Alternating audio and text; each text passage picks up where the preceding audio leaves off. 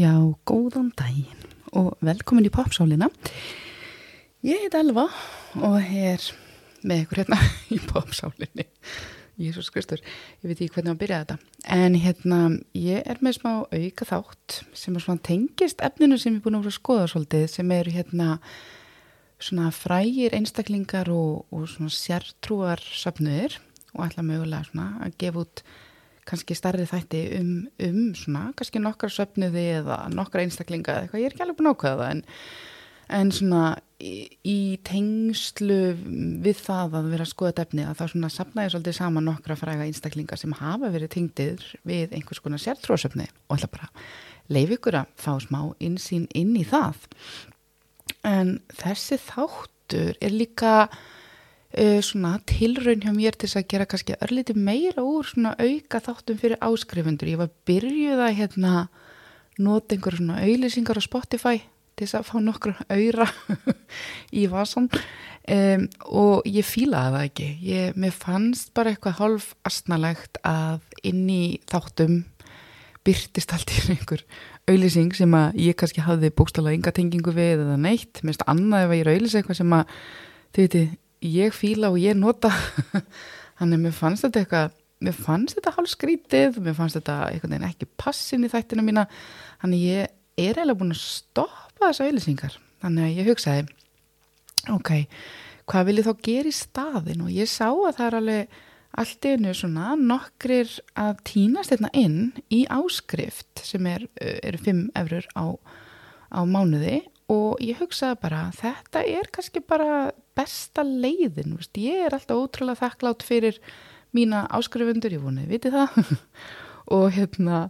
og ég ætti kannski bara að gera meira fyrir áskrifundur þannig að þetta er svona tilrönd til þess. Þannig að smá auka þáttur um frækt fólk í sértrúasöfnu um, en ég hef áður talaðum fræga einstaklinga í sértrúarsöfnum til dæmis einna mínum svona kannski erfuðustu þáttum eða svona þáttum, þáttur sem ég hérna vann rosalega mikið við var Tom Cruise og Vísindakirkja og svo hérna hef ég líka verið með þátt eitthvað um af hverju fólk festist í sértrúarsöfnum eða var það kannski í þeim þætti, ég manna ekki alveg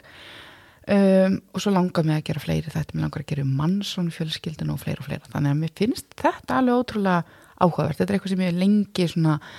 skoða svona frá sálfræðilegu sjónamiði af hverju fólk festist í köldum og, og mér skaman líka velta fyrir mér hvort að eitthvað sem okkur finnst óslátt svona sjálfsagt sé og eitthvað svona sem við erum bara búin að viðurkenna eins og bara eitthvað að vera í crossfit eitthvað. Hvort eitthvað svona gæti verið köld. Mér finnst það svona áhugavert Þannig að mér langar að stikla aðeins á stóru í tengslu við nokkra velþekta einstaklinga uh, sem eru svona tengdir við sértrúasöfniði. Fyrst langar með að nefna hinn indislegu og hæfilegaríku sískinni David og Patricio Arquette. Sko, ég, veit, ég veit ég ber nafnið þeirra, nafnið þeirra kannski ekki alveg rétt fram en, en það skiptir ekki öll að því ég elska Patricio Arquette. Við fyrstum svo skemmtilega hressandi öðruvísi.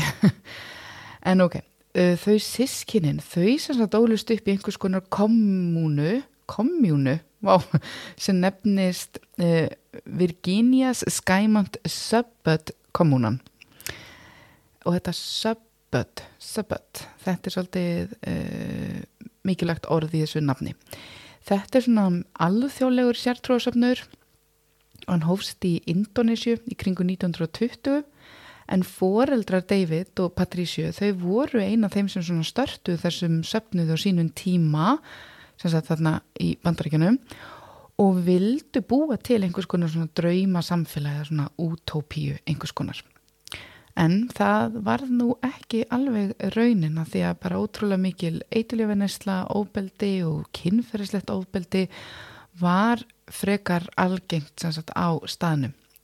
En það eru til uh, átt, eða, nei, það eru til svona söptöp hópar uh, út um allt, það talaði sér til í 83 löndum og árið 2003 þá voru meðlimir í kringum uh, 10.000 talsins. hópurinn er ekki einhvers konar sko trúarhópur þetta er ekki svona kvöld sem tengist uh, trú þannig að þetta, þetta myndi ekki kallast sér trúarsöfnur þannig að þetta er einhvers svona hópur eða flokkur. Um, en þetta er svona meira svona andleg uh, reyfing kannski svipa því og hefur verið umræðinu núna undarfærið og svona já, eitthvað spes í tengslu við einhvern hóp hérna við esjur rætur en ég þekki það ekki en, en ég fyrir svona ósjálfart þanga í hugunum þegar ég hugsa um þennan hóp sem að sagt, David og Patricia uh, voru í